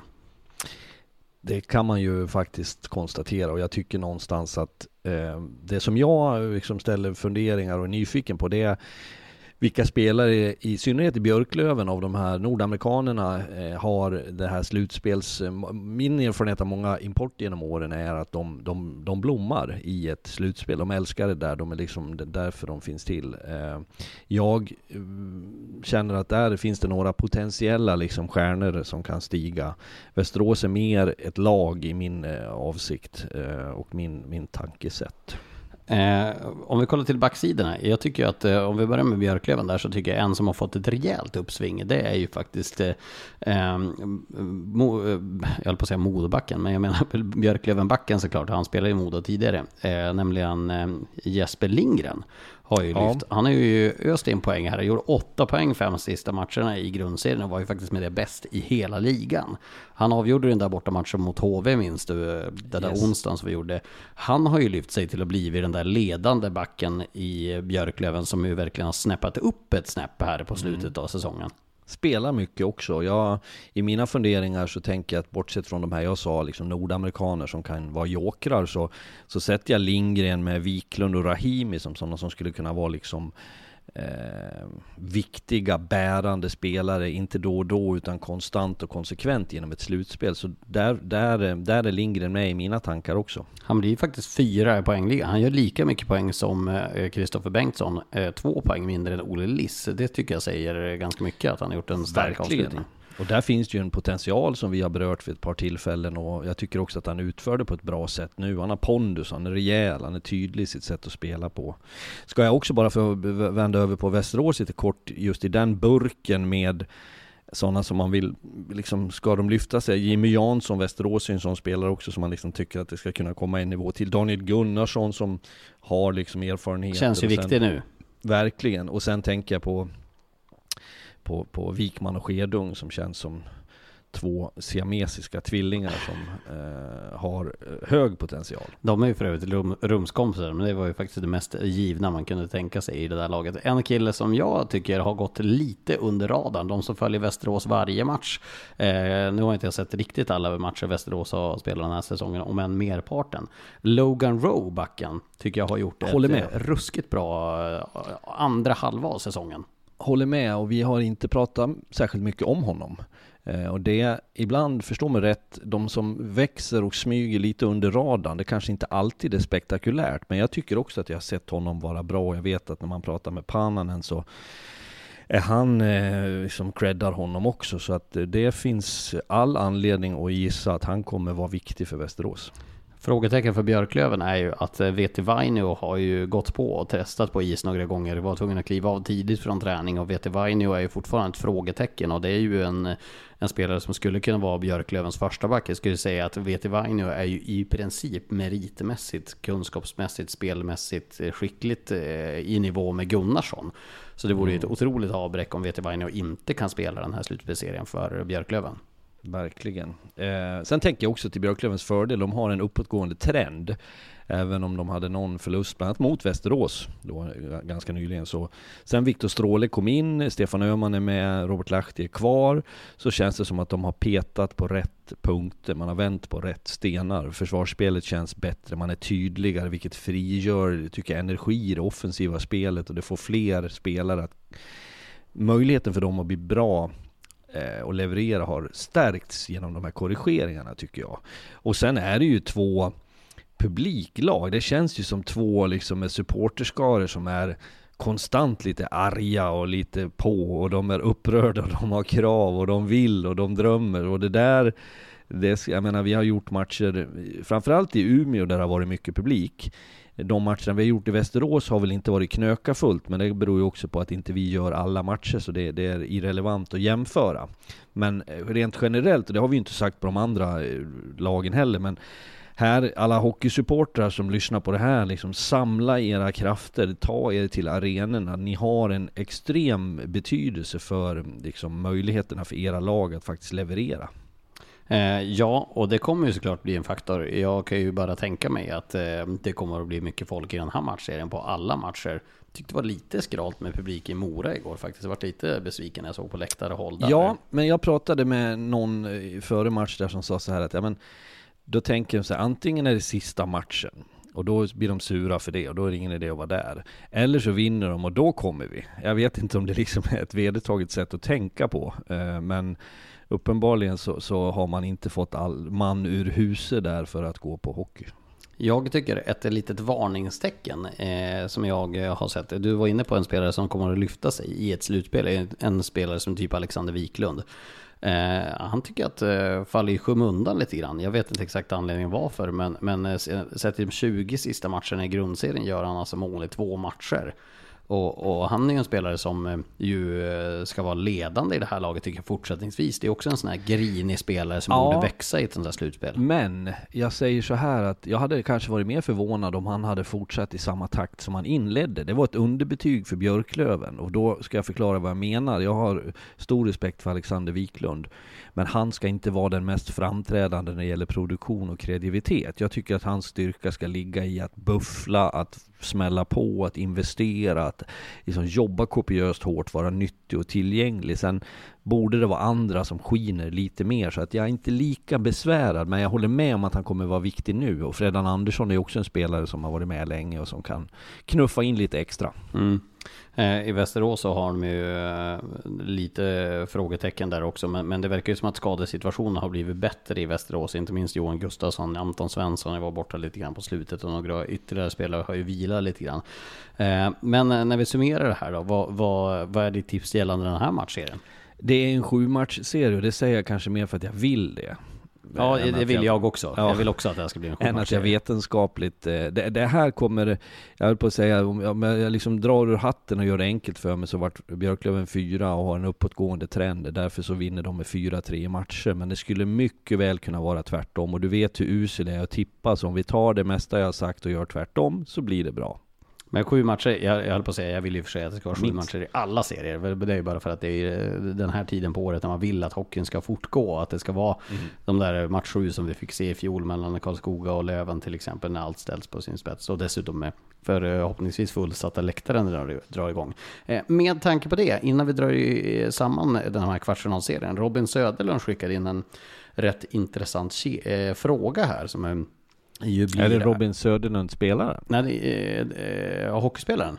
Ja, som var i Oskarshamn. Ja, men det kan det mycket väl vara faktiskt. I Norge. Det tänkte jag faktiskt aldrig på. Han var ju, ja just det, han som var Oskarshamn, han var center där. Han var väl med i kvalet när de gick upp till SHL med, mot Timrå va? Bra pojk. Men det kanske inte är han. En, Eh. en, en Robin är det. Det är en Robin Söderlund i alla fall. Eh, och eh, han, för att säga det, vad tycker ni? Ja det är inte han tror jag. Jag har sett att det finns en till. Ja. Jag tror att Ja, det finns mer än Robin Söderlund. Vi får, eh, eh, vi får spåna i det senare. Eh, vad tycker ni om att alla ska med-tänket i SHL och Hockeyallsvenskan? Ska vi fortsätta med åttondelarna? Visst att det skapar fler streck i tabellen och på så vis lever säsongen på flera sätt vägen eh, in i grundseriens slut. Men är det ett bra upplägg? Eh, jag har ju varit väldigt tydlig med att jag tycker att det är trams egentligen med åttondelsfinaler. Jag tycker inte att om man kommer tia ska, ska man eh, kunna ha chans att vinna. Men jag, jag har ju svängt lite grann med att eh, jag tycker på något sätt lite charmigt också. Eh, nu helgarderar jag lite grann här. Men jag tycker att det inte är fullt lika irriterande när väl åttondelsfinalen spelas som jag tycker under tidigare delar av säsongen. Det var här jag trodde du skulle säga, nu tar vi in Harald Lyckner på Han länk gillar från inte det här. Harald. Nej, han gör ju inte det. Jag är inte uppriven och jag är inte förbannad över det på något sätt. Jag har bara accepterat att man valt att göra så här. Fördelen ligger ju i att det är fler lag som har något att spela om. Du blir inte lika isolerad liksom i i tabellen. Eh, så att eh, för mig är det ingen stor sak. Jag, jag, för mig, det, det får gärna, jag tyckte ju nu att nu fick ju, nu var ju för sig vi på plats då, AIK, äh, eh, Västervik, eh, där Västervik tog sig vidare. Vi var på plats äh, Mora, Tingsryd, där Mora går vidare. Så jag ser ju liksom, det är bra underhållning eh, och det är någonting som gynnar de lagen tror jag på ett sätt att man har gott, gott slag. Så att, eh, men eh, hans princip med alla ska med, det är ju lite svenskt. Var inte det, var det sossarnas paroll det? Alla ska med. Ja, det är det väl. Det är ju som du säger, det är ju svenskt. Jag tycker ju dock att det här kan ju leda oss in bra brygga över till AIK. För att på tal om lite publik på en avgörande match. Vad vad fan Hovet. Alltså på Ja. riktigt, eh, den matchen mot Västervik. Så där får det inte se ut i en, i en, i en åttondelsfinal när man dessutom spelar för att säsongen ska leva. Det, vart jag faktiskt riktigt besviken att se hur skralt det var på Hovet. Det var det verkligen och jag tror siffrorna som var liksom officiella, det finns inte en chans att de stämmer. Stod det två och ett halvt eller något sånt där? Det är ju Jag- sålda biljetter ska vi säga, som man räknar i alla Ja, säsonger. ja, nej men jag säger eh, inte över 1500, det var inte det. Och jag stod bredvid, där vi hänger mellan båsen, så Edvin Olofsson, keepern där i, i Västervik, vi stod och tittade upp mot läktarna och försökte liksom inventera. Eh, och det, för vänd på det, hade det varit 5000 på Hovet, det är skillnaden säger jag för AIK. Ja, den inspirationen du får i den arenan som är så, liksom, det blir sånt magiskt tryck. Sen är det ju, finns det säkert supportrar som, ja men vad fan, de förtjänar inte det. Nej, det kanske är så. Jag, jag eh, har inte supporterådran i mig så jag riktigt vet hur man tänker. Men Eh, de skulle i alla fall behöva mer publik på AIKs matcher. Så enkelt är det. Mm. Eh, supporterråden har ju jag. Liverpool går för Premier League-titeln. Ska jag säga. Heja, heja. Och Champions League, Benfica, stökar av. Enkelt! Eh, nog om det. Eh, AIKs säsong tänkte jag vi skulle summera och även Tingsryds när vi får möjlighet att göra det. Eh, och eh, det här kommer att bli ett långt avsnitt som ni märker. Men AIKs säsong... Vi fattar oss kort nu då. Ja, men AIKs säsong. Ska vi summera det som att eh, det är ett AIK som är i behov av ombyggnation? Det är det. Och ett AIK som, vilket är positivt, har ett lite mer långsiktigt tänk. Man har förändrat strukturen, man har Anton Blomqvist och Malm och man, man vill ändå, avsikten är någonstans att det ska ta lite tid om man ska bygga om. Man skulle behöva fräscha upp eh, truppen lite grann, få bort några som kanske skulle må bättre av att vara i en annan miljö, eh, få in lite mer potentiella liksom, framtidsnamn. Eh, då kan man gå på rätt spår. Men jag tycker att sett till utvecklingen så hade jag trott att de skulle faktiskt ta sig vidare och jag trodde att de skulle kunna landa. Jag vet vi spekulerar i liksom, skulle de kunna bli sjätte lag? Eh, men jag, och jag upplevde på Anton Blomqvist i den eh, samtalet vi hade i studion efter matchen att han var väldigt besviken. Han är väldigt, eh, e, tar ju liksom sitt ansvar. Sen, sen tycker inte jag att det är Anton Blomqvist fel. Så att mm, det, det är bra ibland att man är självkritisk men man måste också ta in samtliga i det där. Och AIK borde gjort det lite bättre, så kan jag säga. Eh, med Tingsryd känns väl nästan eh, frågan att det blir tvärtom. Jag tycker att när man summerar med känslan av hur eh, Tingsryd ändå gör det problematiskt för Mora i den här åttondelsfinalen så tycker jag att eh, med beröm godkänt är väl st- en stämpel som jag vill sätta på Tingsryd den här säsongen. Det håller jag med om. Jag håller med om det och jag sett till, eh, vi ska inte liksom prata eh, kronor och ören, men eh, laget och truppen man besitter, lite halvknackig höst, så tyckte jag ändå att de stabiliserade sig, hittade ett sätt att nå en åttondel tävlar och jävlas med Mora. Besviken bussresa hem genom natten till Småland, absolut. Men med lite distans kommer de kunna säga att ja, men det är ungefär det här vi kan uppnå med de förutsättningar vi sitter på idag. Mm. Eh, jag fick en eh, passande fråga där. Erik Göteberg slängde in frågan, borde inte Västerås snabbt som attan värva Alexander Lindelöf tillbaka till Västerås? Helst redan idag om det går. Vad tycker ni? Först ska jag säga en grej med han igår. Tingsryd har en Lindelöf och en Mellberg. Jag är ju fotbollsmässigt handikappad, men jag vet ju vilka de är naturligtvis. Men eh, det stod jag och fnissade åt, att Mellberg också spelade där. Ja. Men det var inte det du frågade om. Lindelöf är ju eh, bror då. Ja, det vet jag. Det vet. Lindelöf. Jag ska säga så också, att det som jag fått det till mig så är alltså Alexander, eh, Liverpool-supporter, trots att brorsan spelar United, och det värmer mig. Ja, det tror jag du får gräva i. Mig bekommer inte på det sättet. Däremot ska jag säga att han är övertygad på mig. Verkar liksom fräck och irrationell, har varit bra. Sen ska jag bara lägga in en passus. Jag vet inte om Västerås ska ta honom, vill ta honom. Men eh, ibland är det bättre för vissa individer att inte vara hemma. Verkligen. Ibland får du en annan position och roll i ett kanske ett lag som har en annan struktur. Så att inte, jag pratar inte Lindelöf specifikt, jag pratar generellt omdömet hos spelarna är viktigt. Var, var är jag någonstans? Vad får jag speltid? Vilken roll får jag? Och därför så ska man ibland akta sig. Jag förstår att man ofta tänker så här att om det är någon spelare som går väldigt bra så börjar man tänka fan, ta Lukas Wernbloom då, att alla i Modo skulle säga, han ska ju hem. Men det är inte alltid ett lyckligt förhållande. Det ska vi komma ihåg. Man äh, växer ju som människa ofta genom att flytta ifrån och klippa navelsträngen. Så kan det vara. Eh, jag eh, tänker så här att nu eh, när folk lyssnar på det här så har ju det spelats den tredje matchen i kvalet mellan Troja Ljungby som är hemmamatch onsdag kväll mot Södertälje som har 2-0 i matcher.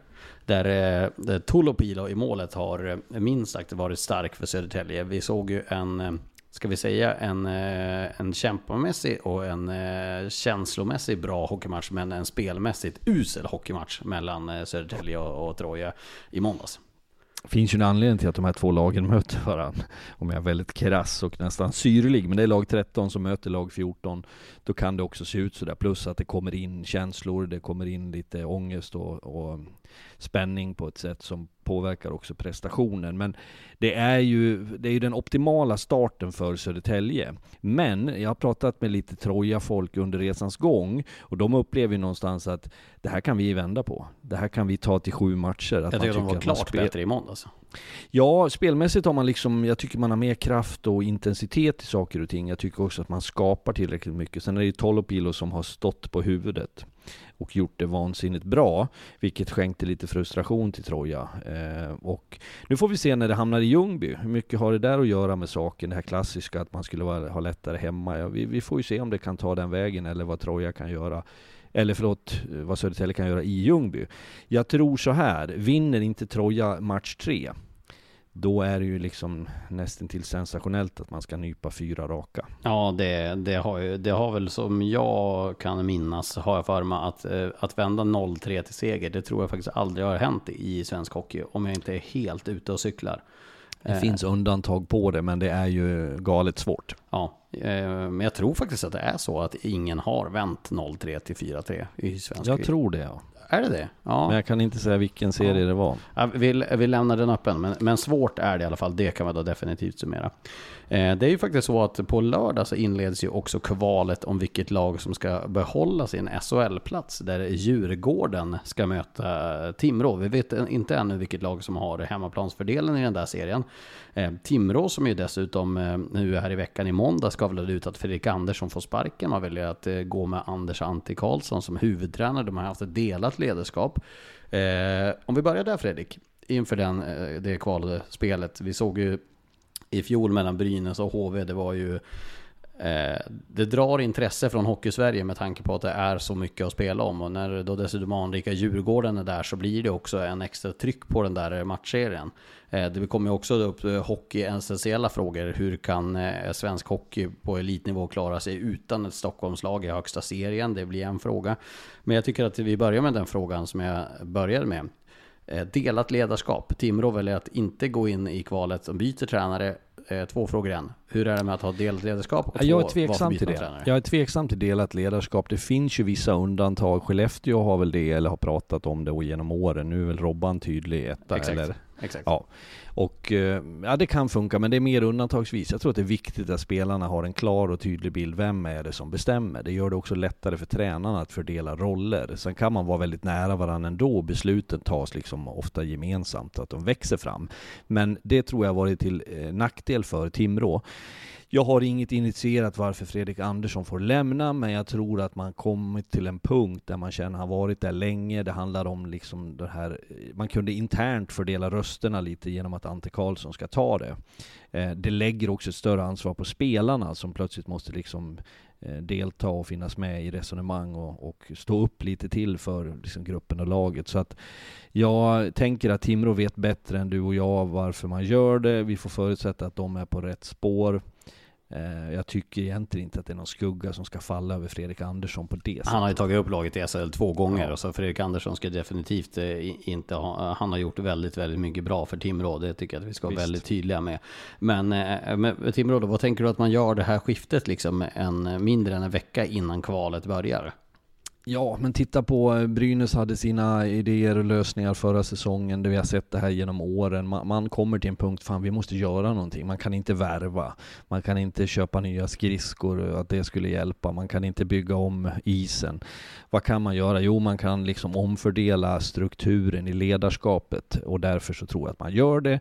Sen om det hjälper? Nej, ja, vi har ju spekulerat länge och jag vet några SHL-studiosändningar som jag jobbade där vi liksom pratade om vad händer om Brynäs skulle hamna där, Linköping skulle kunna hamna där, Oskarshamn skulle kunna till och med hamna där. Men nu blev det som det har sett ut länge. Det är Timrå, det är Djurgården. Djurgården har ju ändå plockat in hög kvalitet, man har fått in Fagervall som är en tydlig ledare. Det känns ju på förhand som klar fördel Djurgården, det måste jag ändå säga. Sen, bara för att lägga till knorren på det där, Timrå har mindre att förlora känns det som. Och de har varit i den här situationen och det, det tror jag heller är en erfarenhet man inte ska underskatta. Just det känns ju som, om, nu ska man inte dra parallellen till, eh, ja men som i fjol till exempel, om Oskarshamn hade hamnat i kvalet mot, mot HV71, då hade pressen blivit ännu mer på HV71 som anrik förening. Nu leder ju HV mot Brynäs, två väldigt anrika föreningar där HV åkte ur. Eh, nu kommer ju då Timrå har väl i princip sedan den här säsongen startade och framförallt när de hade de där 12 raka förlusterna eller vad det var så har ju de ställt sig in på att och de har ju vetat hela tiden att eh, de kommer att spela kval till eh, 90% säkerhet och de vetat sedan i oktober. Ja. Nej, sen bara för att ha en passus där också att eh, Passus, varför säger jag passus? Vad är en passus? Mm, paus, Är det rätt ord inte musikalklang helt enkelt. Passus, ja. Men just att vad händer i match 1 och 2 där? Vad händer liksom tidigt i en sån matchserie? Drar någon på sig ett matchstraff? Blir det en skada? Vinner? Är det ett oväntat resultat? Det, det, det är så svårt att på förhand spekulera. Så det vi går på, det jag går på är ju liksom det man har sett så här långt. Och det är klart att det är en faktor i sammanhanget. Men i slutändan kan jag, kan jag känna att jag är lite så här tveksam på eh, ja, vad, vad det ska bli väldigt spännande att följa den serien och jag gör det med viss sorg för jag vet att jag var väldigt så här, känslomässigt förra året när jag följde eh, Brynäs HV. Jag tyckte det var plågsamt att se efter den där förlusten när, i Gävle när, när HV hade åkt ur. Det var usch, jag mådde dåligt fast jag inte har någon relation så till klubben. Men är det inte just det som gör att det är så kittlande? Att alla tänker så här, Gud bevare mig att jag slipper spela den där matchserien. För det, det var ju ingen bra hockey under Nej. den här. Jag menar, det blir, ju, det blir ju en riskeliminering så att det förslår. För det är ju verkligen eh, vinn eller försvinn. Det går inte bli tydligare än så. Nej men så är det och det, jag kanske identifierar mig också med tränare och liksom spelare och gruppen där man, man har levt tillsammans och, och så, så sker det här att det är liksom väldigt känslomässigt och sen är jag ju vän av att det ska vara ett flöde upp och ner. Men lik förbannat när det ställs på sin spets så är det eh, tufft att se och något lag kommer ju faktiskt att få lämna SHL vare sig de vill eller inte. Vad eh, är ditt tips då? Men du, du tycker att, du sa ju att det var tydlig fördel Djurgården på Ja förhand. jag, tyck, ja, jag tycker att det är det. Jag skulle bli förvånad om Djurgården eh, nu när man har byggt upp någonting under de sista månaderna med, med både spelarmaterial och på ledarsidan och, och har en liksom trend som ändå varit ganska bra. Eh, men det är med det här frågetecknet då, blir det skakigt? Jag höll på att säga, det är nästan så att jag, jag tror nästan att Timrå vill ha en extra bortamatch. Jag menar ett fullsatt Hovet snackar om att det finns en möjlighet att kunna kliva in där och, och förstöra festen. Vi brukar prata om hemma och bortaplansfördelar Ja, som betalar. ja men så är det. Och det. Man ska inte tro bara att, att en bortamatch är eländig och att man har allt emot sig. Man kan också finna den där frustrationen som uppstår när hemmalaget inte får till det, när det inte funkar. Det, det, då flyttas ju de där äh, känslorna mellan båsen. Så att, eh, vi, det är spännande att följa. Med det sagt Fredrik så tycker jag att vi skiter i sista SHL-omgången. Det blir för Ja. långt där helt enkelt. Eh, Och, och väljer att eh, avsluta i dur med att eh, när det här släpps, och imorgon, så är det kvartsfinaler i Hockeyallsvenskan. Fantastiskt härligt. Nu kör vi. Jag sträcker lite armarna i luften, Jag både för att stretcha men också lite grann för att jag är glad. Jag är så Ja. fruktansvärt taggad för det här. Ja, men jag- Vi har sagt det flera gånger på podden, men just det här att i fjol, det här konceptet med slutspel, sju, bäst av sju, då var det faktiskt bäst av fem i, i, i kvartsfinalen. Nu bäst av sju kvart, semi och final. Eh, vilket gör att vi dessutom förväntas ha stor publik på alla matcher och det känns att det ska bli fantastiskt härligt. Det är Magiskt. Sju plusgrader ute, solen skiner och vi går mot slutspel. Kul! Verkligen kul. Fredrik, då kör vi. Kvartsfinal i Hockeyallsvenskan. Full gas. Äntligen! Ja! Mom deserves the best, and there's no better place to shop for Mother's Day than Whole Foods Market. They're your destination for unbeatable savings, from premium gifts to show-stopping flowers and irresistible desserts. Start by saving 33% with Prime on all body care and candles. Then get a 15-stem bunch of tulips for just $9.99 each with Prime. Round out Mom's menu with festive rosé, irresistible berry chantilly cake, and more special treats. Come celebrate Mother's Day at Whole Foods Market. Hey, it's Danny Pellegrino from Everything Iconic. Ready to upgrade your style game without blowing your budget? Check out Quince. They've got all the good stuff shirts and polos, activewear, and fine leather goods, all at 50 to 80% less than other high end brands. And the best part? They're all about safe, ethical, and responsible manufacturing. Get that luxury vibe without the luxury price tag. Hit up quince.com slash upgrade for free shipping and 365 day returns on your next order. That's quince.com slash upgrade. Mom deserves the best, and there's no better place to shop for Mother's Day than Whole Foods Market. They're your destination for unbeatable savings, from premium gifts to show-stopping flowers and irresistible desserts. Start by saving 33% with Prime on all body care and candles. Then get a 15-stem bunch of tulips for just $9.99 each with Prime. Round out Mom's menu with festive rosé, irresistible berry chantilly cake, and more special treats. Come celebrate Mother's Day at Whole Foods Market.